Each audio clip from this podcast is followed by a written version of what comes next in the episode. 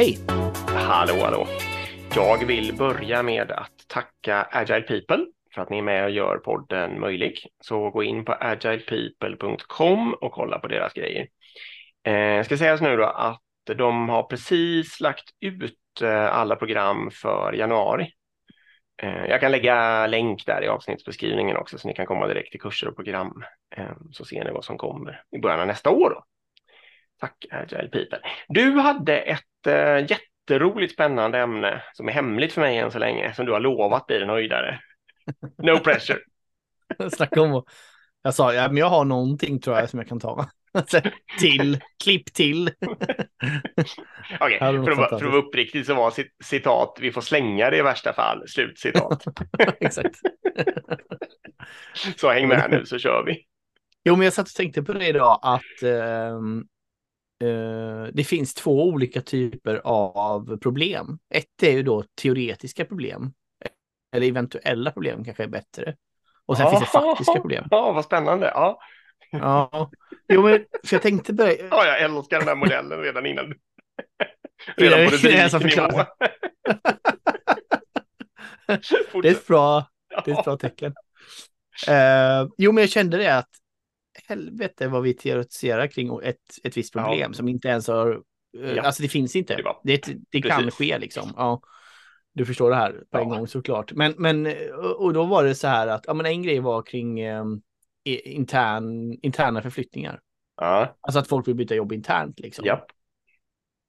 Och då tänkte jag så här, okej, okay, det, det, vill man öppna upp då, kanske ha en, en, en marknadsplats internt för att ja, men här kan man liksom lägga upp ja. om man är sugen på att byta och så kan ja. man testa ett tag och så kan det bli permanent eller inte och så där. Um, och nu, nu var det delvis så, men jag tänkte framför allt, jag bara, tänk om man skulle införa det på alla företag. Herregud vad ledningsgrupper skulle sitta och bara, ja men tänk om de bästa för min grupp söker dit någon annanstans och jag ingen vill komma till mig. Och jag jobbar med så tråkig produkt, där kommer ju aldrig någon vilja vara, alla kommer ju vilja vara där det bara är roligt och där alla duktiga är och där de är, ja du vet. Ja. Och så såg jag den här ledningsgruppen framför mig hur de satt och liksom la månader av att uh, tänka ut alla alternativa saker som skulle eventuellt kunna ske. Ja. Och det, var då, det var då jag kom på modellen att bara okej, okay, vänta nu, hur mycket tid lägger vi på teoretiska problem och hur mycket tid lägger vi på faktiska problem? Så då blir din kontrollfråga blir ju så här att okej, okay, min näst, i ledningsgruppen jag hade sen behövt mig och tänkte på det så här, okej, okay, nu ska jag klassificera allt vi tar upp här. Vad är ett faktiskt problem och vad är ett teoretiskt problem? Ja. Uh, och börja nagelföra det lite, alltså börja skriva ner så här lite, tänka, alltså jag bara samlar lite data för mig själv liksom. Hur mycket teoretiska problem och hur mycket praktiska problem pratar vi om? Uh, och sen så tänkte jag helt enkelt ta upp det om det är så att vi har en en obalans där. Alltså jag tycker ju att det ska vara 90 procent kanske på praktiska problem eller faktiska ja. problem och 10 procent på teoretiska. Det kan ju vara bra att prata av sin oro för något som ska hända och sånt, men det är inte där man får lägga sin energi, för det skapar ju väldigt lite slutan, alltså värde för någon egentligen ja. tror jag. Jag tror det är en väldigt stor um, waste boom så att säga. Um, precis som min idé är att samla lite statistik och om det är så, jag tror kanske inte nödvändigtvis är så, men om det är så, Uh, så ska jag lyfta fram den statistiken sen och säga det att jag tycker vi pratar för mycket om teoretiska problem. Ja, nu får jag släppa in dig. Vad tycker du? Nej, men eh, precis som jag misstänkte på redan på rubriken så älskar jag den här modellen. för att den sätter ju ord på något som jag har irriterat mig på i hela min karriär i stort sett.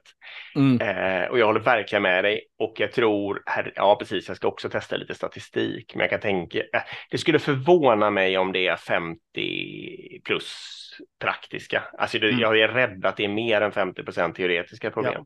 Som vi jobbar med. I alla fall om man tittar, kanske inte i antal problem, men om man tittar hur mycket tid man måste lägga. Exakt, och energi liksom. Mm. Exakt, för det är också skillnad för att ett praktiskt problem går ju ofta fortare att lösa för att det är konkret ja. och tagbart och man kommer begripa vilka åtgärder som på riktigt kommer hjälpa.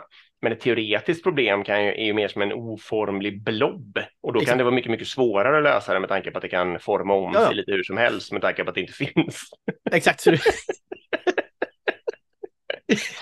ja, exakt. Och du kan ösa in, ösa in hur mycket energi som helst där. Ja.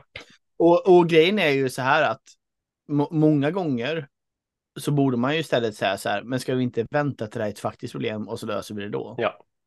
Vi behöver inte ha uh, förebyggande åtgärder för vad eventuellt ska hända.